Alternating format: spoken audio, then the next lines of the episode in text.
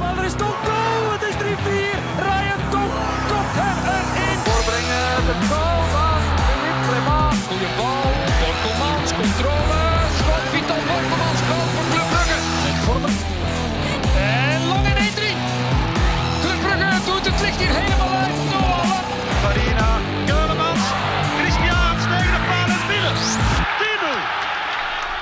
Dag beste luisteraars, welkom bij aflevering 5 van dit seizoen van De Klokken. Nog steeds een voetbalpodcast voor en door Club Brugge supporters. Wil je op de hoogte blijven van onze laatste nieuwtjes? Volg ons dan zeker op eh, Instagram met het account eh, De Klokkenpodcast in één woord. Op dezelfde manier kan je ons ook terugvinden op Twitter. Voor vragen of suggesties stuur ook gerust een mailtje naar deklokkenpodcast.gmail.com of stuur ons een eh, berichtje via Twitter of Instagram. Dan rea- reageren we daar zeker ook op. Ehm, een weekje later dan gepland eh, is onze nieuwe aflevering er vandaag. Normaal gezien hadden we ook een eh, special guest vandaag, maar die kan er helaas niet bij. Ze heeft wel beloofd dat hij later op het seizoen nog eh, te gast zal zijn. Dus wie dat het is, dat houden we nog eventjes eh, geheim. Wel vandaag erbij zijn opnieuw Matthias en Nico. Mannen, zijn jullie er klaar voor, voor een nieuwe aflevering van De Klokken? Ja, dat moet hè. Dus we gaan er nog eens een keer het beste van maken. Het is al even geleden nu, dus dubbel zullen we zien. Top. Ja, zo hoor ik het Ja. graag. Eh, Nico, bedankt om erbij te zijn, om, om even in te vallen. Want eh voilà, we zijn weer terug met onze, met onze top trio. Hè. Ja, Voilà. een belangrijke invaller, hè, dat is ook altijd goed. Hè. Dat is heel belangrijk. Dat hebben we afgelopen vrijdag ook eh, gemerkt, dat een invaller belangrijk kan zijn. Helaas was dat niet het geval. Ehm, we gaan er meteen in vliegen, hè, mannen. Ehm Club Brugge Leuven, afgelopen vrijdag. Ja, derde keer al dat we punten verliezen in eigen huis. Eh, we zijn nog maar eh 1 september en dan is het ook puntenverlies tegen Leuven, Cercle en. Eh, Nico, daar word je als supporter niet echt vrolijk van, hè? Nee, ik word er toch stilaan gefrustreerd door eigenlijk. Je gaat dan moeilijke uit, uitwedstrijden winnen, zoals op Union en op Charleroi, om dan thuis telkens weer weg te geven tegen dit soort ploegen. En als je dan naar de stand kijkt, Cercle staat derde laatste, OHL staat voorlaatste. En Beerschot, die staan allerlaatste. Dat was eigenlijk ook nog een thuismatch waarin we uiteindelijk nog moesten bibberen. Enkel de thuismatch tegen Oostende kon mij echt bekoren in feite. En dan word je dus inderdaad niet echt vrolijk van. Zeker nog het op verplaatsing dan wel kunnen, buiten bij die eh, blamage in Gent. Ja, inderdaad. We gaan eh, beginnen met die eerste helft. Eh, Matthias, we hebben samen die match uh, becommentarieerd in het uh, Jan Bredel stadion. Ja, die eerste helft dat was eigenlijk echt niet om over naar huis te schrijven. Hè. Dat wa- kwamen we toch wel ja, niet goed voor de dag. Hè. Nee, zoals je zelf zegt, ehm, het, was een, het was een slechte eerste helft. Ehm, ik, ik geef eerlijk toe dat ik het niet had verwacht, want eh, we hadden vorige week op, op vrijdag op Charleroi gespeeld, dus je verwacht wel, oké, zeven dagen recu- recuperatie. Eh, de koppetjes staan weer fris en gefocust, maar ik vond het vooral een gebrek aan, aan concentratie. Niet zozeer aan inzet, maar vooral aan, aan focus en concentratie. En er waren bepaalde sleutelspelers tegen PSG die totaal niet thuis gaven in deze eerste helft. Dus uh, ja, ik was een beetje um, teleurgesteld in een, in, een, in een paar spelers, maar ook eigenlijk heel het collectief. Want uh, we hebben heel weinig gebracht en ook uiteindelijk heel weinig kansen bij elkaar gevoetbald. Nee, dat klopt. Um, Nico, ja, was van club was het een beetje een arrogante start. Ook naar de tegenstander een beetje een onderschatting. Goh, ik durf niet te zeggen dat het enkel daaraan ligt, maar het zal er misschien toch ook wel mee te maken hebben. Zeker als je dan ziet hoe ze thuis tegen een PSG bijvoorbeeld wel kunnen starten. En ik denk als we dat in de competitie op dezelfde manier zouden doen, dan kan er normaal geen enkele ploeg ons volgen, denk ik. Ja, nee, dat denk ik ook. Um, ja, Matthias, we waren samen die match aan het becommentariëren. Uh, wij zagen een Sokkie die bal uh, buiten trappen in corner eigenlijk. En hij zei nog tegen mij vlak voor die goal, zei, ja, als hij nu binnen gaat, is het wel een heel lullig doelpunt. Hè. Um, ja, een Sokkie die eerste helft, dat is toch onverklaarbaar bijna hoe dat hij met zo weinig concentratie aan uh, de aftrap kan staan. Want vier, vijf keer in die eerste helft slechte passes, zou toch niet mogen, hè? Ja, het was een beetje significant van het begin van zijn match. Hè. Ook heel nonchalant, gebrek aan, aan concentratie. En nogmaals, niet zozeer inzet, maar echt puur, puur concentratie.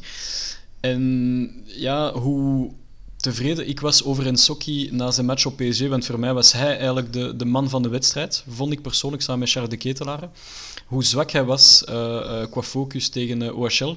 En dan moet je eigenlijk een klein beetje die, die Nice supporters gelijk geven. Toen dat hij bij, bij club toekwam, zeiden zij vaak van het is, het is iemand met ongelooflijk veel potentieel. En als hij goed is, is hem heel goed. Dat hebben we ook gezien tegen PSG. Maar het probleem is, als hij, als hij niet gefocust op, op, uh, op het veld komt, dan heb je echt wel een, een groot probleem. En dan zie je, zoals die terugspeelbal op Mignolet, die, die de 0-1 inleidt, dat zijn zaken die, die gewoon niet kunnen op, op hoog niveau. Dat je een keer een verkeerde paas geeft, maar dat was gewoon een paas op, op ja, een vijf à tiental meters van, van, um, van Mignolet. Dan stel ik mij wel een paar vragen. En oké, mijn, mijn, mijn opmerking dat er misschien een goal zal volgen, dat heeft misschien te maken met, met karma en zo. Maar het is uiteindelijk wel de waarheid gebleken. Dus, dus dat was echt dubbel zo lullig om zo'n goal tegen te krijgen.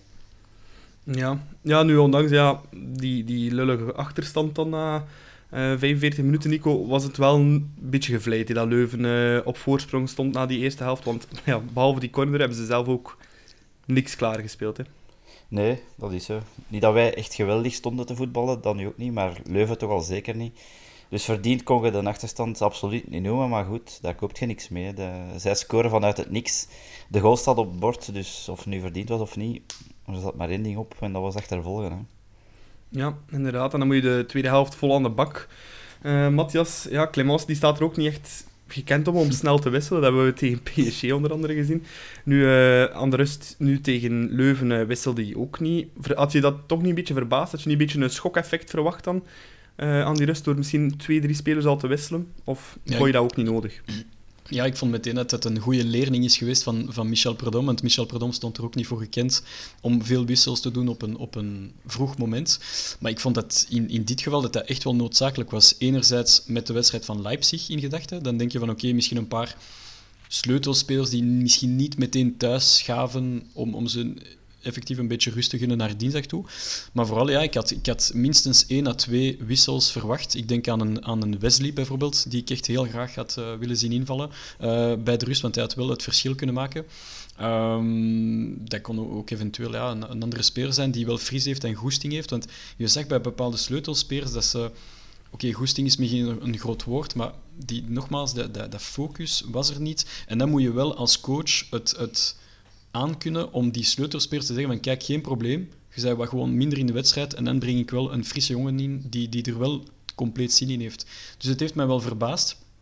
Maar anderzijds, Clement kennende, had ik ook niet meteen uh, veel wissels verwacht. Dus, uh, ja. Maar ik vond wel dat, de, dat de, de aanvang van de tweede helft wel positief was, want ik vond ons wel 15, de eerste 15 à 20 minuten van de tweede helft heel ja, een beetje storm en drang spelen en, en wel met veel um, overgave en vooral heel veel kansen en een, en een zeer goede Rome ook. Ja. ja, inderdaad, een zeer goede Romo. Veel kansen ook voor groepen. Karrevracht aan kansen in feite, kun je zeggen.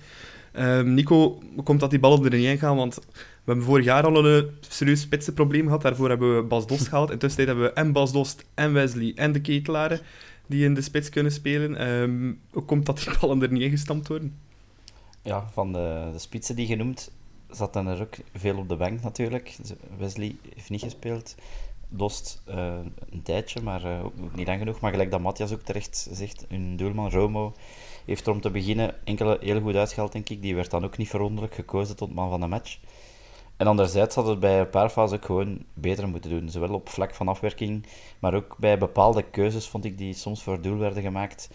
Um, nou, dat is natuurlijk ook niet de eerste keer dat dat voorvalt. En ik denk dat dat toch wel een werkpuntje is, die efficiëntie voor doel. Ja, het was dan uiteindelijk een verdediger van club die uh, het verschil maakte. Clinton Matta, zwaar met zijn linker, uh, Matthias. toch een knappe goal van onze rechtsachter, maar toch opvallend dat het een rechtsachter is die die, die die goal moet maken. Hè. Ja, dat is misschien het ironische. Hè? Uh, de spitsen scoren niet. Uh, Charles en Noah waren we echt een stuk minder, vond ik, tegen OHL. Ehm, en dan moet je, moet je hopen...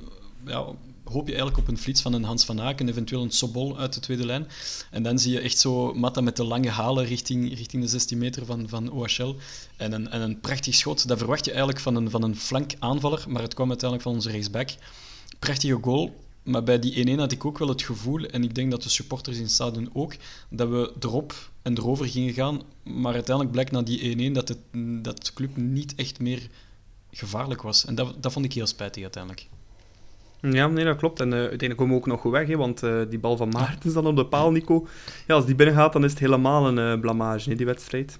Ja, en dat zou ook weer typisch geweest zijn voor zo'n match. Hè, dat ze dan toch nog een tweede keer zouden scoren tegen de gang van het spel in, zonder eigenlijk echt meegevoetbald te hebben. Dus daar kwamen we goed weg, maar we mogen ook wel niet vergeten dat we zelf ook nog het doel uit hebben geraakt bij die kopkans van Henry.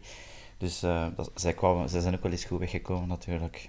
Ja. Ik vond trouwens die, die ja. Mathieu Martens vond ik echt een heel goede match spelen trouwens. Ik, ik, heb, ik heb het wel voor die, voor die spelers. Iemand die heel veel overgave, heel veel overgave heeft. En um, ja, hij, hij kan me wel op een bepaalde manier altijd bekoren in zijn manier van spelen. Ja, speelde inderdaad een uh, zeer goede wedstrijd. Uh, Mathieu Maartens. Nu, uh, Nico, als we wat dieper in de statistieken kijken van de wedstrijd, ja, dan is het puntje van dat Leuven pakt toch wel ja, een beetje gestolen, is misschien een groot woord, maar toch zeer gevleid, hè? Ja, inderdaad. De expected goals liggen er ook niet om. 3,35 uh, versus 0,21. Dat zegt veel over onze kansen, maar ook over die van hen. Dus een 3-0 bijvoorbeeld had wel logischer geweest, gezien de kansen die er geweest zijn. En ook nog straffer als je naar de expected goals kijkt van de stilstaande fases. Um, dan heeft OHL zelfs maar 0,03. En toch scoren ze op een hoekschop. Dus bij ons was het daar 0,95. Uh, dus dat zegt ook wel al iets, vind ik. Maar ik vind ook gewoon dat onze stilstaande fase echt niet goed worden uitgevoerd. We wisten weer 14 hoekschoppen te bekomen, maar er wordt toch telkens veel te weinig mee gedaan. Daar moet echt dringend aan gewerkt worden, vind ik persoonlijk, want er komt echt veel te weinig gevaar uit. Missen we dan niet een beetje een Ruud Vormer, Matthias? Absoluut. Um, de corner, ik vond, het, was, het was altijd dezelfde combinatie. Kamal Soa samen met Rits. Maar ik vond dat nu niet per se de beste combinatie, want de, de voorzet die kwam van Rits was altijd een, een, een heel gemakkelijke plukbal voor Romo. En de indraaiende corners van, van Soa van op de rechterkant, die waren altijd te laag. Dus dat het nu Rits of Kamal Soa was, was het niet goed. En dan denk ik spontaan aan Noah Lang, die een gave traptechniek heeft. En, en waarom kan Lang niet meer corners op zich nemen? Enerzijds om zijn assist op te, trikken, mm, op te krikken, maar ook omdat hij een, misschien een betere traptechniek heeft dan een, uh, dan een Rits of een Soa. Maar zoals je zelf aangeeft, Nicola, op, op zo'n momenten mis je echt wel Ruud Vormer. Want je weet bij Vormer, vrij trappen, hoekschoppen, die zijn wel uh, op een efficiëntere manier uh, getrapt dan Soa en Rits. Ja, 9 op de 10 van die ballen komen aan gewoon. bij Vormer, dat is gewoon het verschil, denk ik. Ik vind het ook raar dat bijvoorbeeld ja, Soa, nadat hij twee, drie slechte corners heeft genomen, dat hij ze blijft nemen. Dat dan ja. uh, Sobol of zo een keer in kan trappen. Want allee, dat is toch ook een flank, ja, flankverdediger die toch een regelmatige voorzet moet trappen en toch ook geen slechte voorzet heeft vaak.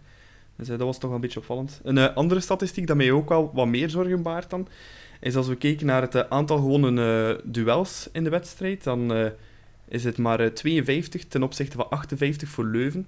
Dus Leuven heeft gewoon meer duels gewonnen dan Club op Jan Breidel. Nico, ja, het is nu, nu toch niet te zeggen dat Leuven fysiek zo'n impressionante ploeg heeft dat je daar ja, minder duels van mag verliezen. Zeker niet in Jan Breidel. Nee, ik vond dat ook wel opvallend eigenlijk gezegd. En als je dan ziet bij ons spelers als Henry, een Balanta, Mata, dat zijn toch al drie mannen die, ik kan niet zeggen elk duel, maar toch heel veel duels ja, van winnen. Haken, de ketelaren, bedoel... Ja, ja, dus dat is, dat is toch wel straf dat ze dan meer kansen hebben gewonnen dan, dan wij. Ik denk ook, als je daar bijvoorbeeld nu een Wesley uh, voorin hebt staan, dan zouden de cijfers misschien ook al een beetje anders zijn. Want als, als je lange ballen geeft naar voor, waar een Charles staat, waar een Noah staan, dan denk ik dat je op hoge ballen al serieus waar achteruit gaat in die cijfers. Vandaar mijn, mijn grote verrassing dat Dost erin kwam in plaats van Wesley, want er wordt hier en daar wel geschreven en gezegd dat Clement Dost helemaal links laat liggen tot het einde van zijn contract, of zelfs tot januari, wie weet. En, en op Wesley rekent men intern men heel hard op. Dus het, het, het viel me echt wel op dat hij, dat hij niet is ingevallen in plaats van Dost. En zoals je zelf aangeeft, Nico, hij had, had dan wat meer oorlog gemaakt in die 16 meter, wat meer ballen bijgehouden, want uiteindelijk, Dost heeft redelijk goed gekaatst. Maar in zo'n momenten heb je echt niet iemand nodig om te beuken en vooral de andere spelers te laten opschuiven. Dus ik denk dat Wesley wel een, een betere wisselspeler had geweest, denk ik. Ja, ik denk dat bij Clement eerder een beetje uitging van het feit dat... Uh Dost, ja, dat is wel een speler, als je hem één kans geeft, dan is het natuurlijk wel meestal bingo. Dus uh, die dacht van ja, het gaan er misschien niet zo heel veel kansen meer komen. Een paar voorzetten trappen en dan kan Dost er wel op de juiste plaats staan. Maar, uh, dan moeten de voorzetten goed zijn. Om dan, inderdaad, want dat was een ramp. En de corners. voilà. En de corners, voilà. Kijk, incoming Ruud Vormer. Uh, ik denk dat hij er snel terug bij zal zijn. Nu, uh, ja, puntenverlies thuis tegen uh, Eupen, Cercle, OHL. Dat zijn toch ja, de mindere golden in de Super Pro League, kunnen we toch wel stellen, Nico ja, hoe moeten we dat in de toekomst aanpakken? Want het gaat nog ploegen. Ik denk dat binnen twee weken hebben we KV Kortrijk die op bezoek komt bij club. Um, ja, die gaan op dezelfde manier gaan spelen. Die ploegen gaan er ook nu een beetje meer en meer in geloven uh, dat ze op Jan Breidelis kunnen rapen. Want ervoor was dat van ja, zo'n ploeg die dan club komt spelen, die waren al uh, ja, super content dat ze ook maar iets konden rapen en geloofden daar ook niet echt in. Maar dat geloof dat is nu wel terug bij die kleinere ploegen. Hè. Ja, ik denk kansen afwerken, dat, dat zal een goed begin zijn, dat is duidelijk. Tegen Cerkelen en Noagel krijgen we eigenlijk kansen genoeg om te scoren. En we krijgen er bijna geen tegen. En toch eindigt het twee keer op 1-1. Het is niet dat we veel weggeven, ook niet, maar we scoren gewoon veel te weinig. Ideaal zou zijn om tegen die soort ploegen meteen stevig te beginnen, zonder af te wachten, gewoon direct volle gas erin en rap proberen te scoren. Want dan valt heel hun plannetje direct in elkaar en is voor ons het grootste werk eigenlijk al gebeurd. Nu spelen we eigenlijk praktisch elke keer tegen een verdedigend blok, die er dan ook nog een keer in slaagt om heel veel tijd te winnen telkens. Maar als we een keer vroeg zouden kunnen voorkomen, dan gaat de tegenstander wel moeite komen. Uh, gaan we meer ruimte krijgen, gaan ze minder tijd winnen. Dus ik denk stevig beginnen en rap proberen te scoren, dat zou al veel problemen oplossen op dat vlak. Ja, wat ik ook wel opvallend vond, uh, Matthias, in het stadion zelf was er uh, ja, veel boegeroep naar de scheidsrechter van vrijdag. Maar persoonlijk, ik vond die eigenlijk echt een, een goede wedstrijd fluiten. Ook de tijd dat gerokken werd door uh, Leuven werd dan ook wel gecompenseerd in de extra tijd met zes minuten. Um, of vond je die kritiek op de ref wel terecht? Nee, ik, ik, ben, ik zei tegen, nog tegen jou, Nicola, achteraf. Ik, um, ik vond het misschien een beetje streng naar uh, Jasper Vergoten toe. Want we hebben al scheidsen gezien op, op club waarbij dat we echt wel heel ja, zeker boos op kunnen zijn. Maar in dit geval vond ik het niet. De perceptie zat een beetje tegen misschien, omdat Um, ik denk dat Leuven zoveel tijd heeft, heeft gewonnen dat hij sowieso wordt afgespeeld dan op de scheids.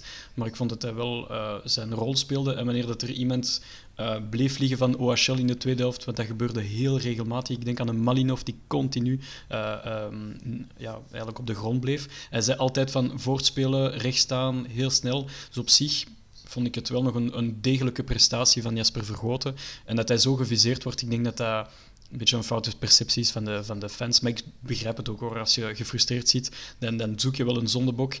En dan kan het wel heel snel de scheids worden, want ja, uiteindelijk, OHL heeft misschien betonvoetbal gespeeld, maar hoe zou je zelf zijn? OHL heeft de punten absoluut nodig en je kan niet echt kwaad zijn op OHL dat ze op zo'n manier spelen. Als we spelen tegen Mark Brijs is het altijd uh, ja, open kaart, bij wijze van spreken. kunnen wij gemakkelijk 3, 4, 5 goals scoren. Maar op een bepaald moment denkt Mark Brijs ook van kom, ik gooi al mijn uh, filosofie overboord en ik wil hier gewoon een punt pakken op de Brugge. Dus uh, nee, ik vond de aanpak op de scheids misschien iets te streng uh, vrijdag.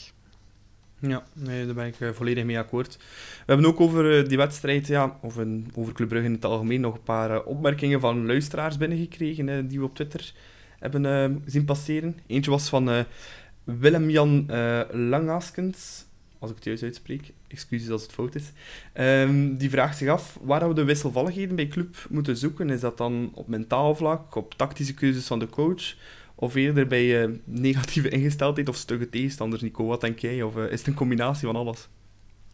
Ja, ik denk dat het een beetje een combinatie van alles zal zijn. Um, ik vond nu niet per se dat er verkeerde keuzes waren in de beginopstelling, wat in het verleden wel een paar keer geweest is, vind ik, met Matta op die rechterflank. Um, maar ja, ik denk gewoon de ingesteldheid, misschien zal, zoals dat we straks al bespraken, van een beetje meer gas te geven in het begin en niet te veel te denken van het zal wel loslopen, we zullen hier wel winnen. Dat scheelt hem natuurlijk wel al. En ik blijf het zeggen, die efficiëntie voor doel, die stilstaande fases, als ik denk, moesten, dat, moesten die twee zaken worden verbeterd, dat we gemakkelijker kunnen scoren, dat die stilstaande fases beter zijn, dat zou ons al veel helpen, denk ik. Ja, dat denk ik ook. Uh, Arne de Boedan, die had dan weer een stelling over onze coach, Matthias. Uh, die zegt dat uh, Clément heel goed de ploeg kan zetten, dus in de basisopstelling, maar in tegenstelling tot bijvoorbeeld Prudhomme of Leco kan hij geen wedstrijd doen kantelen als eens dat het niet goed gaat. Vindt hij dat de club zo een beetje blijft aanmodderen. Um, ja. ja. heeft denk ik club ook gezegd van ja, ik heb club nog maar twee of drie keer een wedstrijd zien kantelen onder uh, Clément en nu toch al zijn derde seizoen. Um, ben je daarmee akkoord? En, hoe komt dat dat dat bij Clément net iets moeilijker gaat dan bij uh, pakweg uh, Prudhomme of um, Ivan Leko? Ik denk wel dat, um, dat Clément en zijn staf een bepaalde filosofie hebben van oké, als een wedstrijd zo verloopt, dan moeten wij naar plan B of naar plan C of naar plan D gaan. Dus ik denk wel dat dat erin zit. Maar op de een of andere manier kan Clément het niet overbrengen naar zijn spelers. En daar ligt het probleem. Uh, ik voel, bij, bij Clément heb ik altijd zo'n een dubbel gevoel. Na PSG was ik euforisch bij van spreken over Clément. En, en had ik het gevoel van, wauw, uh, als we zo spelen, dan, zoals Nico zei daarnet, dan ja, winnen wij quasi altijd in de Jupiler Pro League en gaan we nog mooie resultaten neerzetten in de Champions League. Maar zo positief dat hij mij verrast heeft tegen PSG in zijn tactisch aanpak en zelfs in het feit dat hij niet heeft gewisseld tot het einde. Ik vond het ook echt intelligent gedaan van, van Clement. Maar matchen zoals tegen OHL, dat hij op een bepaalde manier de tweede helft moet aanpakken, zoals, in, zoals je zei, uh, Prudom, Leco en nog andere coaches hebben gedaan bij club. Hij kan het niet, niet omdraaien naar uh, een, een ander aanpak. Uh, misschien een extra spits, waardoor dat ze met twee gaan spelen en dat ze, dat ze combinaties gaan zoeken, meer voorzetten. Het, is een beetje blindelings naar voren en we zien wel wat dat er gebeurt met Lang en Charlotte die de actie moeten maken en hopen op, het is meer hopen op een flits dan echt constructief op tactische wijze een, een uh, tegenstander overrompelen. En, en dat mis ik heel hard bij Clement, dus ja, dat, dat zijn dat, dat, is nog, dat is nog gebeurd. Uh, twee jaar geleden in de Champions League speelde hij echt een dijk van een match uh, op, op PSG, geloof ik. En dan drie dagen later was het tegen een kleinere team en daar is het weer uh, heel saai en een beetje triestig. Dus ja, altijd dat dubbel gevoel heerst wel bij mij bij, met Philippe Clement. Ja, Nico, ben je het ermee akkoord? Of, Nee, ik ben het er zeker mee akkoord. Ik vind dat onder Clement heb ik eigenlijk ook altijd wel die indruk van als we achterkomen van... Hmm, of, of, of stelt dat gewoon nog gelijk staat, zo niet het gevoel van er gaat iets gebeuren, een, een bepaalde zet waardoor dat we ineens toch over gaan gaan, dat mis ik wel. En bij Leco had ik dat wel heel fel bijvoorbeeld. Die kon dat toch op een bepaalde manier brengen, misschien ook meer die grinta ja. erin smijten van kom aan jongens, zo zit het, uh, vliegt er een keer in. En ja, bij Clement heb ik ook wel minder, minder dat gevoel, eerlijk gezegd. Um, ik ga daarom niet zeggen dat Clement minder goede coach is of zo, maar dat is wel een opvallend iets dat, dat hij minder de match kan doen kantelen. Ja, nee, dat is inderdaad wel een, eh, een goede stelling van uh, Arne de Boe, inderdaad. To be continued. Hopelijk kan het wel een keer uh, doen kantelen. Um, ja, genoeg over de wedstrijd tegen Leuven. Die kunnen we nu wel stilletjes aan achter ons laten, denk ik. Maar ja, zoals gezegd, dus vandaag geen centrale gast in de Klokkenpodcast. Dus gaan we een keer iets anders doen. We gaan onze licht een keer schijnen op ja, de concurrentie in de, de Super Pro League. Um, ik zal een eerste stelling smijten. Um, Genk, dat is toch onze grootste tegenkandidaat voor de titel, Nico? Of uh, ben je daar niet mee akkoord? Jawel, dat denk ik ook. Ik heb van, bij het begin van het seizoen al gezegd dat Genk de te kloppen ploeg ging worden. En dat Antwerpen er ook wel ging staan. En ik denk dat het ook geen verrassing is dat die drie ploegen toch waarschijnlijk tot, tot op het einde van het seizoen zullen strijden om die titel. En ja, het is ook wel duidelijk, Genk kan verder borduren op hun play-offs van vorig seizoen. Dezelfde coach, de sterkhouders zijn gebleven. En natuurlijk één uh, slok op de borrel. Hun spits, Paul die weer met de ogen dicht elke wedstrijd beslist. Dus als je zo iets in je ploeg hebt lopen, dan, ja, dan kun je al een keer een minder match camoufleren. En dat is misschien bij ons iets minder het geval. Ja, Matthias, denk je dat ook de sterkte is van de, de Racing Gang dit seizoen? Ja, absoluut. Ik ben 100% eh, eens met, met Nico. Ik, um, mijn enigste hoop is het feit dat zij nog altijd John van den Brom hebben als coach. En uh, dat stemt me wel ergens een beetje gerust, want ik weet van uh, als Genk de titel niet pakt dit jaar, dan zal het veel te wijten zijn aan John van den Brom. omdat ik niet de grootste fan ben van de coach, maar het heeft niet zozeer te maken met zijn persoonlijkheid, maar vooral door het feit dat dat hij vind ik persoonlijk, um, spelers of een ploeg niet zozeer beter maakt. Dus, dus dat hij maar lang blijft bij, bij, bij Racing Genk. Maar ja, zoals Nico aangaf, uh, Polo Onuachu ja, scoort gewoon blindelings op dit moment. Je denkt nog van, uh, oké, hij heeft een, een transfer op een haar na... Ah nee, uiteindelijk niet, dus hij heeft geen transfer gemaakt um, deze zomer dan verwacht je wel een beetje een soort van uh, ja, een beetje een gelatenheid bij de speler. Van, ik had wel graag in Engeland willen spelen of in de Bundesliga. Maar dat is helemaal niet zo. Dus dat is ook, dat is ook de sterkte van Onuachu. Hij kan de klik maken in, in zijn hoofd en gewoon blijven scoren. En die, die duo uh, Ito Onwachu, dat is gewoon een moordend duo. Dus die, die, ja, die, die vinden elkaar even blindelings als uh, Van Zijr en Undaf. Dus uh, Genk is voor mij ook de te kloppen ploeg. Um, ik vind Antwerp misschien, wat Nico zei, die gaan ook meestrijden voor de titel. Dat denk ik dan weer niet. Um, ik vind Antwerp, ik heb al bijna al hun matchen gezien dit seizoen. Tegen Union hadden zij altijd met 3 of 4-0 moeten verliezen. Want, want Union was, was niet twee keer beter, maar die waren vier keer beter als Antwerp. Uh, het, is, het is bijna ongelooflijk dat ze die wedstrijd niet hebben gewonnen, Union. Maar gewoon, dat is hun eigen fout. Een beetje gelijk club. Hun kansen niet afgemaakt. Um, maar ik vind dat er iets minder um, kwaliteit zit in die ploeg. Ze hebben wel wat goede spelers, uh, zoals Fischer, Balikwisha, uh, Rajanangolan, etc. Maar om nu echt mee te dingen voor de titel, dat denk ik nu weer niet. Dus voor mij is het echt wel een tweestrijd Club en Genk. En dan zie ik nog uh, Antwerp en, en Anderlecht als de twee outsiders voor de top 4. Ja. Ja. Um, Nico, ja, Henk heeft het club vorig jaar enorm moeilijk gemaakt in die play-offs. Um, denk je dat ze dit jaar misschien nog dichter gaan bij kunnen komen bij club? Want toen hebben ze eigenlijk, ja, als je het nadien bekijkt, die titel een beetje weggegooid in de reguliere competitie. Maar dat verschil lijkt me nu toch net iets kleiner te zijn. Zou het nog moeilijker kunnen worden dan vorige play-offs, denk je? Ja, veel moeilijker kon in feite niet meer, want ze zijn met dezelfde punten uiteindelijk nog geëindigd dan, dan ons. Oké, dat ligt natuurlijk ook aan de puntenhalvering, want als die er niet waren, waren we al praktisch kampioen. Maar natuurlijk, ze hebben veel kwaliteit in hun ploeg, dus ik denk wel dat ze het ons zeker moeilijk gaan maken. Natuurlijk moeten we het zelf ook nog doen, dat mogen we ook niet vergeten. Want ik denk dat we het ook zelf veel punten al verloren hebben. Als we maar vijf wedstrijden van nu negen wint. Maar gelukkig doen de rest, doet de rest dat ook. Dus uh, ik denk wel dat ze, dat ze tot het einde zeker gaan meedoen. Ze hebben ook een bepaalde continuïteit. Um, al jaren vind ik dat ze dat Genk en Club de twee ploegen zijn die het best bestuurd worden. Ook als ze transfers doen, zijn die er vaak bonk op.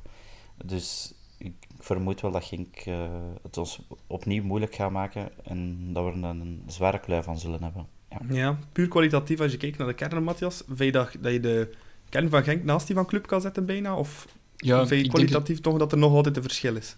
Ik denk het wel. Uh, ik denk dat met de jaren dat, uh, dat ze nu, sinds dit seizoen, en vorig seizoen vond ik ons, ons toch nog uh, net iets beter, maar sinds dit seizoen heb ik wel het gevoel dat ze, dat ze heel hard aan elkaar gewacht zijn. Uh, er zijn bepaalde posities waar we duidelijk uh, beter in zijn. Uh, ik denk aan natuurlijk de keeper. Ik bedoel, Mignolet is, gewoon intrinsiek veel beter als Van der Voort. Um, maar er zijn bepaalde posities, en dan denk ik spontaan aan de spitspositie, want ik reken nog altijd Charles de Ketelaar als geen volleerde spits. Dat zij daar wel een, een goalmachine hebben dat wij niet hebben. Um, ja, dan heb je natuurlijk Ito Bongonda en dan vergeleken met Charles de Ketelaar en Noah Lang, dat is toch ook heel gelijkwaardig, misschien met net iets meer kwaliteit aan onze kant. Maar uh, ze hebben ook een stevig middenveld met Heinen, dus ik vind, ik vind ze heel hard aan elkaar gewaagd. Um, en zoals je zei, gaan ze nog dichter zijn bij de titel dan dit jaar. Ik hoop van niet, want dat betekent wel dat ze dan een puntje meer gaan hebben en dus kampioen gaan spelen. Um, maar ja, voor mij lijkt het overduidelijk Genk en Club. Uh, dat zijn de twee sterkste ploegen van, van de competitie by far, vind ik zelf. Ja, nu, uh, je haalde het er net ook al aan, Matthias. Um, Antwerp, die zie je niet meedoen tot op het einde, van het, uh, tot op het einde met de titelrace. Nu, Paul Geesens en co, Nico, die hebben wel serieus ingekocht voor daar wel aan mee te doen. En staan uiteindelijk ook maar op één puntje van club. Ja, met namen als Nangolan, Fischer, Engels, Balikwisha. Ja, die, die zijn niet gekomen om ehm, voor Europa League binnen te halen, hè, denk ik. Nee, en dan vergeet je nog Vrij te vermelden. Ja. Dat is, um, we hebben eigenlijk een beetje hetzelfde als, als bij Genk. Als het niet draait, hebben ze nog een spits die het verschil maakt. Onewatje doet dat bij Genk. Vrij doet dat nu al weken bij Antwerp. En ik denk dat ze inderdaad veel kwaliteit hebben. Ik weet juist niet... Uh, het enige wat, ik mij een beetje misschien vragen bij stel, is dat ze die regelmaat gaan kunnen behouden. Um, dat zal misschien iets moeilijker worden. Maar ze hebben, ja, ze hebben inderdaad veel kwaliteit op elke positie. Het is ook beter bezet de dubbel, op dubbel, uh, dubbele posities dan, dan de vorige jaren. Als er iemand uitvalt, kan er perfect iemand anders in, invullen. Dus um, ja, ik denk Antwerp.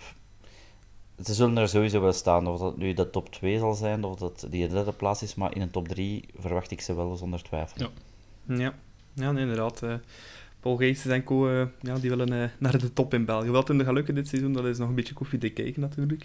Um, een, uh, ja, vierde ploeg, een beetje echt outsider dan voor de titel, is ja, onze concurrent Anderlecht. Um, ja, die zijn toch wel beter dan vorig jaar, hè, Matthias. Allee, dat gevoel heb ik toch bij Anderlecht. denk je dat ze misschien alsnog outsider kunnen zijn voor de titel? Maar ja, met de play-offs kan alles, hè. dat hebben we gezien vorig jaar. Of acht je daar toch net niet goed genoeg voor? Ik denk dat ze, dat ze qua spits hebben zij een matcha vervangen op een hele intelligente manier, want ik vind die Kwame echt wel een, een, een heel goede spits. Uh, ik heb die al een paar keer zien spelen en, en ik kende die totaal niet trouwens van Fiorentina, uh, maar hij brengt absoluut iets bij. En ik zag gisteren voor het eerst uh, de combinatie Zirkzee en, en Kwame en ik moet zeggen daar zit toch wel wat kwaliteit in. Um, ik vond het heel opmerkelijk dat Zirkzee de laatste drie, vier weken niet meer uh, als titularis werd uitgespeeld door, um, door Company.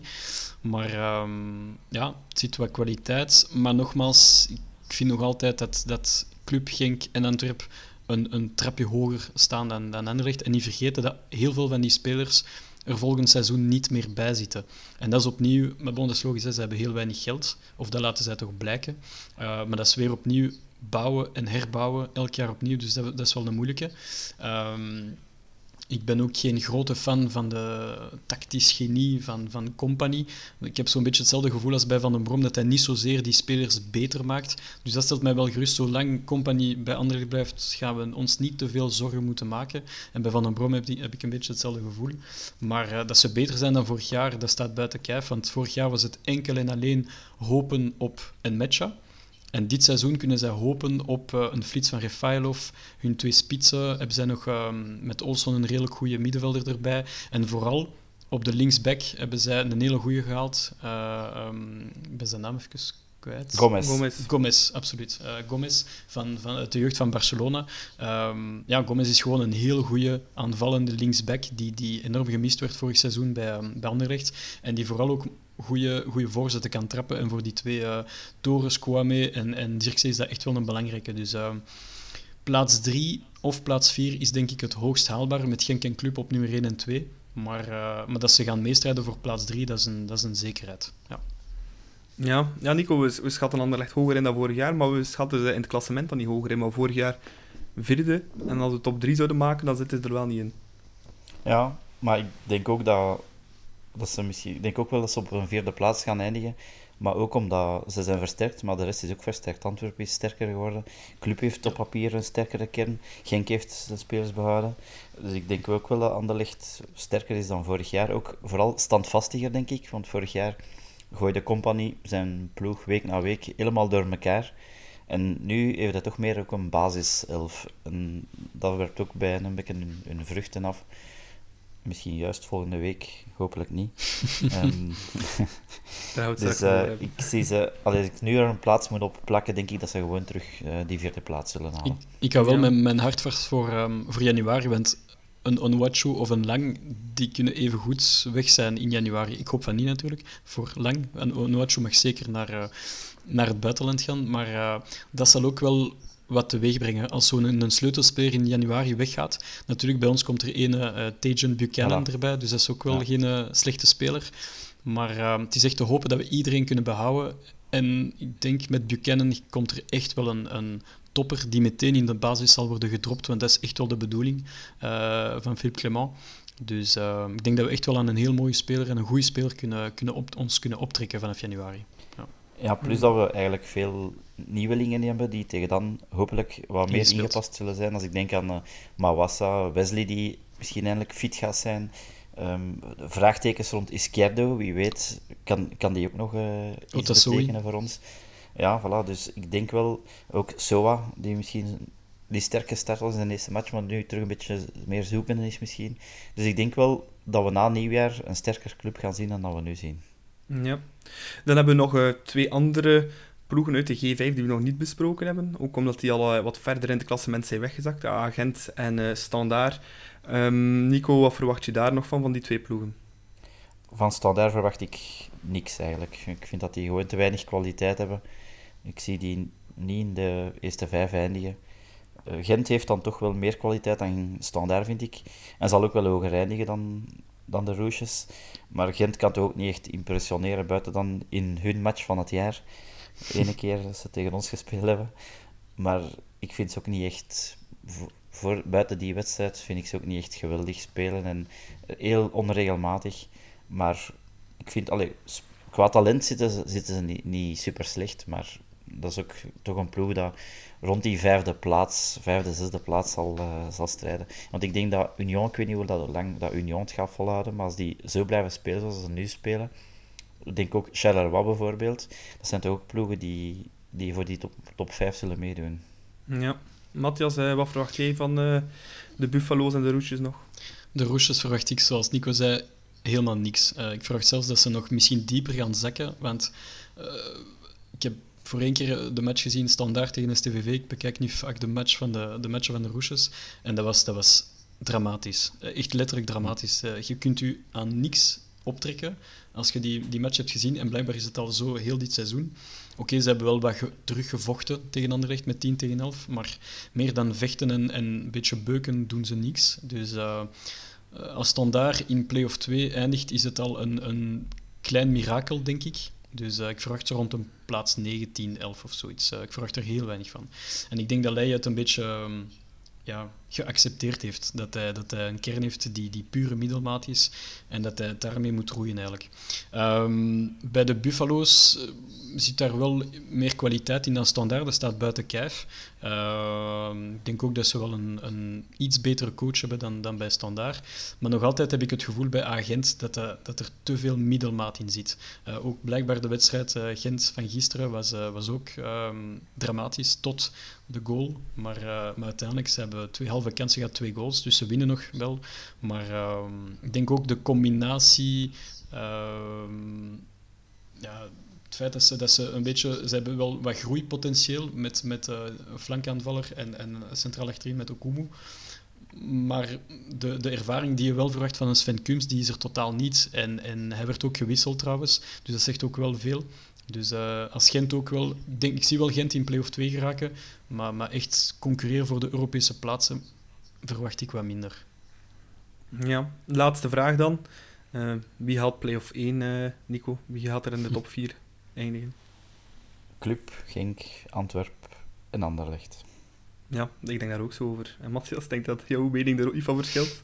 Ik hoop dat Union uh, plek, plek inneemt van Van Anderlecht. Dat zou het helemaal afmaken. Maar als je, als je, even, voilà, als je, als je eventjes realistisch nadenkt, dan, uh, dan lijkt de top 4 uh, inderdaad Club Genk, Antwerpen en, en Anderlecht te zijn. Ja. Ja, dezelfde play-offs dus als uh, vorig jaar. Yes. Alright, dan kunnen we het stukje van de, de concurrentie, concurrentie uh, afsluiten en kunnen we overgaan naar het volgende. Ja, Jan. En voortgaan, ze kunnen niet volgen. Nog altijd. Goal! Goal, goal, goal! Hij is erdoor, Keuleman. Hij is erdoor. De inspanning van het jaar. En dat is de Kaja Cup. De Kaja Cup, dat is de prijs voor de speler, medewerker, supporter of persoon die iets met blauw-zwart te maken heeft die we graag eens in de bloemetjes willen zetten. Elk van ons drie nomineert normaal gezien één persoon en daarna kijken wie de leukste of nooiste nominatie heeft en die wint dan de Kaja Cup. Maar uh, deze week zijn we tot een uh, unicum gekomen, hè, jongens. Absoluut. Uh, we hebben alle drie, we hadden alle drie dezelfde bal in ons hoofd, dus we gaan ja. gewoon ja, die persoon nomineren voor de Kaja Cup. Nico, je mag onthullen wie onze ja, onze Cup winnaar is voor deze week. Ik heb gekozen voor Jack Henry, net als jullie. Het doet mij een beetje denken aan de jonge Björn Engels, zowel qua postuur als de manier van spelen. Hij heeft een goed overzicht, stevig duel, goede kopper ook. Kan een pas geven, heeft snelheid, dus ja, hij maakt wel indruk op mij, eigenlijk gezegd. Hopelijk is hij wel minder blessuregevoelig dan Engels, maar uh, ik vind wel dat hij ja, direct zijn stempel heeft gedrukt op, op club. Uh, boezemt ook heel veel vertrouwen in als, als je hem ziet spelen. Dus ik vind, uh, voor wat de media een paniektransfer noemde na de rammeling op Gent, dat hij het toch wel heel goed doet. Dus voor mij mag hij zeker die Cash Cup winnen. Ja, Matthias, waarom, is een... uh, wat is jouw reden? Dat is inderdaad een, een, een mooie, leuke paniektransfer. Ik denk dat Club nog zo van die leuke paniektransfers zeker mag maken. Maar uh, nee, zoals Nico aangeeft, het is een heel complete speler. Um, hij is ook gekomen in een heel positieve flow. Hij had net uh, twee matchen met Schotland, achter de rug, dat hij blijkbaar fenomenaal was. Uh, zelfs de Schotse fans waren helemaal uh, lyrisch over hem, want vroeger was het minder het geval. Ehm, en meteen zijn eerste wedstrijd tegen KVO solide, secuur, maar vooral imponeert. Hij heeft een bepaalde presence die ik soms een klein beetje mis bij Mechelen. Pas op, Mechelen heeft ongelooflijk veel kwaliteit en heeft heel veel diensten bewezen. En we gaan hem nog heel hard nodig hebben. Maar Andrew heeft misschien die surplus aan presence die misschien zeer belangrijk is om eigenlijk onze, onze verdediging te sturen. En, en vooral zijn, zijn wedstrijd in combinatie met Ensoki tegen PSG, dat heeft mij helemaal overtuigd over de kwaliteiten van Henry. En misschien komt die nominatie van de Cash Cup ook met die, met die wedstrijd tegen, uh, tegen PSG. Want ja, als je zo uh, Neymar en Mbappé in, in je achterzak kan, kunt zetten in combinatie met, met naast jou en Soki en Mata, dan, dan, en dat je, plot, dat je net bent toegekomen in een nieuwe ploeg, dat zegt wel heel veel over zijn kwaliteiten. Dus um, ja, fantastische transfer. En ik vind ook dat hij, dat hij het absoluut verdient om, uh, om vandaag de Cash Cup te winnen. Ja, ik ga er helemaal bij aansluiten. Ik vind ook, uh, ja, het is gewoon die presence dat hij heeft. Ook, uh, ja, uh, voetballend is hij ook gewoon heel sterk aan de bal. Doen we inderdaad een beetje denken aan de beste Bjorn Engels. Ja. Bij momenten en ook gewoon ja, no-nonsense in die ploeg komen zetten. Precies of dat hij al jaren bij club speelt. Um, ook voor de media denk ik dat het een heel aangenaam figuur is om erbij te hebben met zijn fantastische Schots accent, Jack Henry. Uh, en heeft ook een goede kapper trouwens, dezelfde als van mij. Uh, Ongetwijfel ik het. De zilverschaar, uh, kapperij, kapper Zilverschaar in de Dweerstraat. Iskerdo gaat er ook trouwens. net als Ronald Vargas. dat is een Oei. iets minder, maar ja. Oei. Maar iedereen moet halen. Zolang dat je niet naar dezelfde kinesist als Vargas gaat, is het goed. en psycholoog. ja. ja, en wel... nee, nee, nee, nee, nee, inderdaad. Maar nee, Jack Henry, ongelooflijk aanwinst voor, uh, voor Club Brugge. Dus uh, een heel terecht uh, Katje winnaar deze week, denk ik, voor onze ja, Schotse rots in de branding. Dan kunnen we overgaan naar het volgende deel van de podcast. En dat is een vooruitblik naar ja, de Champions League-confrontatie met Red Bull Leipzig. Um, ja, we gaan dat beginnen met een quizje te doen. Nico en Matthias, ik heb een, een aantal vragen voorbereid voor jullie over onze tegenstander uit Duitsland, waar we morgenavond in de Champions League tegen aantreden. Um, wie van jullie twee wil beginnen met de eerste vraag te beantwoorden? Nico. Stilte. ik, ik laat het okay. over aan jou. ja. Oké. Okay. De eerste vraag is nogthans niet zo moeilijke. Um, wat is de volledige naam van onze tegenstander? Razenbalsport Leipzig. Helemaal correct. Helemaal correct. Eén uh, puntje voor Nico. Um, nu, de volgende vraag is: um, welke andere Red Bull-ploegen ken je? Uh, je mag om de beurt antwoorden. De eerste die niet kan aanvullen, uh, die verliest en dat gaat het punt naar de tegenstander. Matthias, uh, jij mag de eerste aanvullen. Salzburg. Ja. Nico? New York. Ja? Ja. Zijn er nog twee? Het is wel iets moeilijker, moet ik wel eerlijk toegeven. Hè. Ik denk nog eentje in de MLS, denk ik. Uh, nee. Nee. Nico, voor een extra punt? Nee, ik moet ook Nee. passen. Je hebt nog New York Bragantino in Brazilië. Ah. En eh het speelde in de eerste klas in Brazilië. En eh, Red Bull Ghana, maar die bestaan in de tijd niet meer. eh. dus ja. Nee, nog nooit van, Alright. van gehoord. Blijft 1 over Nico. Ehm, de volgende vraag is een soort van ja, schiftingsvraagje. Je mag, je mag alle twee gokken en eh, degene die het dichtst bij zit, wint. Nico, je mag als eerste antwoorden. Eh, op welke positie wereldwijd staat eh, Red Bull Leipzig qua transferwaarde? Ik heb me gebaseerd op eh, transfermarkt. Dat is weer geen gemakkelijke, hè. Ehm 40. Matthias? Ehm 25. Matthias zit er het dichtst bij. Het is eh, plaats 17 met 550 miljoen eh, transferwaarde. Dus eh, dat wil toch iets zijn. club zit aan de 150. Maar als we dan als PSG en Man City liggen, PSG zit ergens eind de 900 en eh, City zit als enige ploeg ter wereld boven het miljard. Zo maar te zeggen welke waardeverhouding we hebben in de Champions League dit jaar. Ehm, volgende vraag. Opnieuw een vraag. Wie er dichtst bij zit, wint.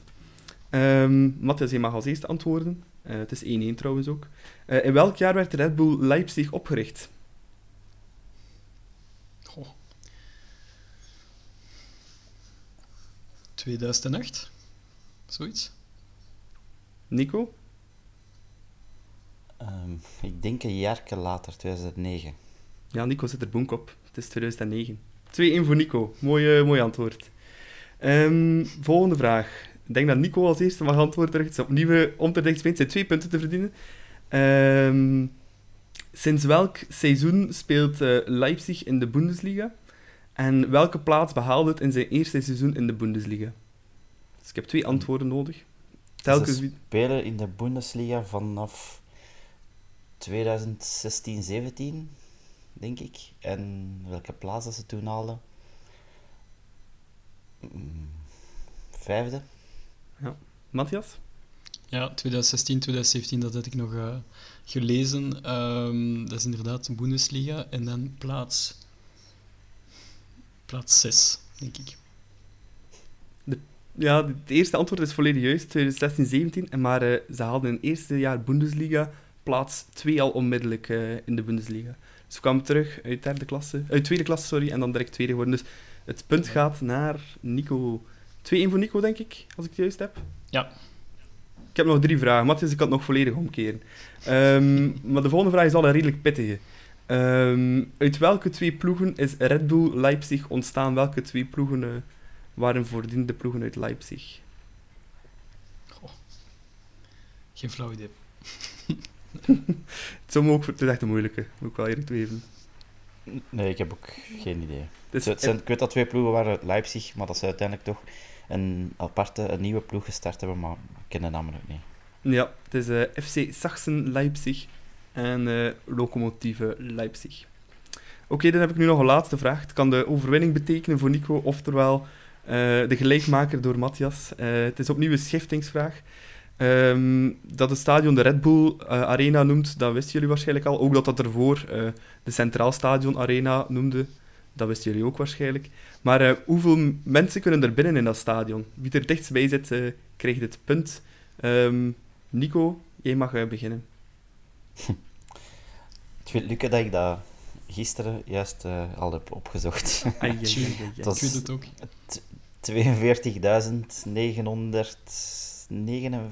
als ik me goed herinner. Nee? Het is, het is 47.069. Ah, Ik heb het ook opgezocht. Ik heb Wikipedia gevolgd en dan moet ik eh, Nico volledig gelijk geven. Het, tot op Maar- het plaatsje na juist. 42.959. Ja, ik, ik baseer me op Wikipedia, hè, dus... eh, Maar, ik, maar ik zit hier Ja, ook ik- voor Wikipedia. ik had het gisteren ook op, ik had het gisteren ook op Wikipedia, omdat ik ergens een foto van dat stadion gezien had en ik was benieuwd hoeveel plaatsen dat er waren.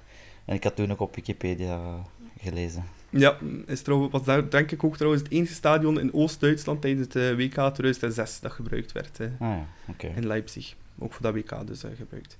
Voilà, Nico is eh, de RB Leipzig eh, kampioen. Eh, mag een Red Bull gaan halen eh, in de winkel van mij. Kijk, Goed gedaan, hier alleen voor mij Ah, staan. kijk, zit er alleen, zit er alleen aan het drinken, voilà. zeg. Ik heb voor u ook wel nog een vraag, Nicola, want je bent ons hier aan het testen. Voilà. Ja. Maar ik wil een keer zien hoe groot dat uw kennis is. ben benieuwd. D- Er heeft ook een Belgische speler bij Leipzig gespeeld. Weet je wie? Je kunt een punt winnen, Nicola. Punt. Is, is het recent of niet? Een jaar of zeven, denk ik, geleden ongeveer. Hmm, dus dat is sowieso nog in tweede klasse nog bij, de, bij Leipzig. Ehm, pum, pum, pum, pum, pum. Hij is stiller dan anders, vind ik. Ja, ik kan je een tip geven? Hij heeft, hij heeft bij de Move gespeeld. En daarna Theodorczyk? bij Charleroi, denk ik. Niet Theodorczyk? Theodorczyk. Nee, zeg maar, ik weet het niet. Weet jij het, Matthias? Nee. Massimo Bruno. Mo ah, ja, ja, ja, Tuurlijk. juist, juist, Tuurlijk. uiteraard. Ja, nee, nee, klopt, Ah. klopt, klopt. Ah, ik dacht dat dat Salzburg was dat hij gespeeld had, maar het is eh, Leipzig dus. Eh, Ik denk Ja. dat hij zelfs werd uitgeleend aan Salzburg op een bepaald moment. Dat kan wel, ja. ja, Ja. Dat hij uitgeleend geweest is. En, gespeeld. en ook, denk ik, zelfs terug aan Anderlecht uitgeleend, als Ja. ik mij goed, Ja. goed herinner. Ja. Ja. Yes. Oké, Nico, bij deze blijf je dus de Red Bull koning eh, van de het zal wel zijn. Het podcast. was, een, het was een mooie vraag, ja, Nico, trouwens. Ja. oké. Daarmee weet de commentator al wat vertellen.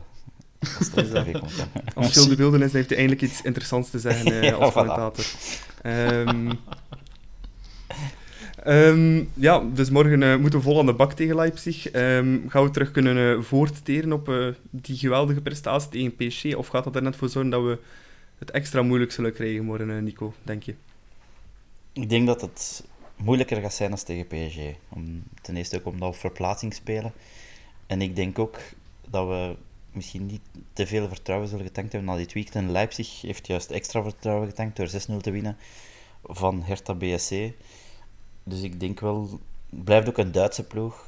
Ik denk dat, wel dat, het, uh, dat het moeilijker zal worden om daar iets te behalen dan dat we thuis tegen PSG hebben gedaan. Ja, ja je zei het al 6-0 tegen Hertha BSC. Ook dan weer ja. in transferwaardes gaan bekijken.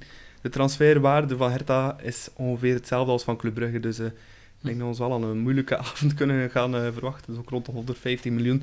Um, maar, um, ja, Matthias, het zal ook een heel andere partij worden tegen PSG. PSG is uh, ja, een verzameling van sterren zonder veel cohesie op dit moment. Ja. Ik denk Leipzig is een beetje tegenovergestelde. Is ja, één collectieve machine zonder extreem veel sterren. Maar er zijn er toch wel een paar goede rondlopen ook nog. Hè.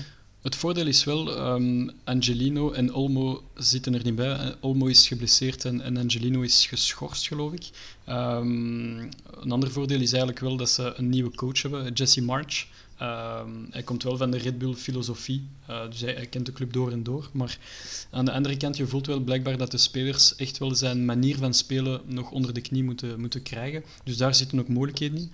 Het is een, het is een ploeg die enorm veel kansen bij elkaar voetbalt, maar die ook heel veel weggeeft achterin. Dus ik denk wel dat dat een heel open match, uh, open wedstrijd wordt uh, dinsdag. Maar het is vooral oppassen met uh, Nkunku, die in ja, absolute bloedvorm verkeert. Het is ook echt een, een, een fantastische speler. Dat is een, een, het prototype speler op een ander niveau. dat een grote ploeg zoals PSG hem uiteindelijk voor te weinig geld laat gaan naar, naar Leipzig. Maar dan voel je wel dat hij, dat hij zich volledig kan ontwikkelen en ontplooien bij een, bij een ploeg zoals Leipzig. Dus oppassen voor Nkunku. Maar ze hebben natuurlijk nog heel veel kwaliteit uh, in hun ploeg. Uh, ik denk aan een Yusuf Poulsen, ook achterin met Mukiele. Uh, dus er zit echt wel heel wat aan te komen. Um, Emil Forsberg niet... ook, niet vergeten. Ja, Emil Forsberg. En, en ook Sabitzer, die, die, die nu naar Bayern is, is getransfereerd geweest. Dat is ook wel een pluspunt. Maar dan, hebben dan halen zij die Moriba, die ook wel geen slechte speler is van, van Barcelona. Dus ja, het wordt opletten. En ze hebben ook vooral een heel goede keeper, uh, Gulacsi. Dus um, ik denk wel dat dat een type ploeg is die machinaal kan blijven aanvallen. Daar waar een PSG misschien door een iets te arrogant of autaan gedrag uh, uh, een, een, wedstrijd zoals die tegen Club uh, kan, kan laten schieten. Maar dat, zullen, dat zullen wij niet meemaken morgen, denk ik. Ja. Um, ja, hoe moeten we het aanpakken volgens jou, Nico? Welke, met welke spelers zou je starten om die machine te stoppen? Ik zou Wesley zetten om te beginnen. Een kwestie van voorin misschien een bal ietsje beter te kunnen bijhouden. En wie haal je dan eruit voor Wesley? Ja, dat is natuurlijk de moeilijkste Zo? vraag. En dan de ketelaar en lang op de flank? Ja, ah, wel, dat is wat ik inderdaad zou zeggen. Ik zou Sherlin en, en Lang daar iets achter laten spelen. En ik denk dat het misschien ook een keer niet slecht is dat Soa uh, een keer mag rusten.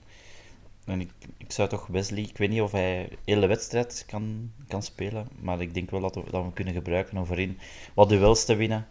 Een beetje de bal hopelijk bij te houden. Dat kunnen, zullen we toch wel kunnen gebruiken, denk ik. Voor de rest zou ik niet te veel wijzigen eigenlijk. En ik denk ook niet dat, dat Ruud direct zal Ja, terug in de dat ploeg is wel een beetje de vraag van, van 1 miljoen. Hè. Speelt hij of speelt hij niet, uh, Ruud Vormer? Ja, ik denk met dat op verplaatsing is, dat, dat Clement misschien ook wel wat meer de controle zal willen houden en toch voor Balanta iets terug zal kiezen. Ehm, dus dat is volgens mij toch wat, hij- wat hij zal doen.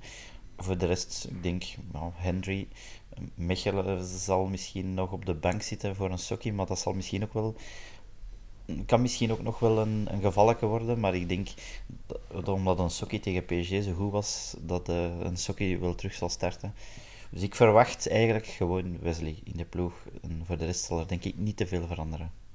Ja, Matthias, eh, zou je ook met die opstelling starten? Ja. Ik zou bijvoorbeeld Ruud wel zetten. eh. ik, ik, na al die slechte corners van vorige week, van afgelopen weekend, eh, ik denk dat dat echt misschien wel een wapen kan zijn tegen... eh, Maar ik vrees, ik vrees er Eh, een beetje voor, want ik, Clement gaf aan in de persconferentie net voor uh, OHL dat hij, dat hij echt wel nog terug herstellende is van zijn Achillespeesblessure. Ehm dat Leipzig waarschijnlijk nog iets te vroeg komt. Natuurlijk tegen op Anderlecht zal u sowieso Vormer zien spelen. Dat, dat staat bijna buiten kijf dat hij dan gaat, eh, gaat spelen. Uh, maar zoals Nico aangeeft, Wesley om ballen bij te houden en, eh, en, en de speers te laten opschuiven, dat zal echt broodnodig zijn.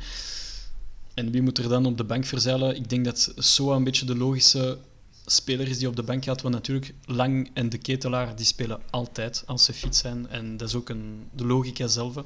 Dus ik verwacht uh, één wissel, misschien nog een tweede. Wie weet, Sobol voor Mawassa. Dat zou ook zomaar kunnen. Uh, maar pas op, Vormer, van mijn part, als hij fit is, mag hij ook absoluut uh, de plek innemen van Rits. want die gaan we ook echt wel nodig hebben de komende weken. Dus het is een beetje koffie kijken, maar ik denk niet dat er heel veel verandering gaat komen ten opzichte van de basisploeg tegen, tegen OHL.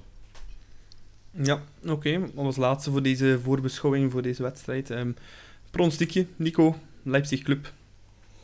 Ja, zoals ik zei, denk ik dat we het moeilijker gaan hebben dan tegen PSG. Dus ik vrees dat we wel een nederlaag kunnen oplopen. Ik denk 2-0.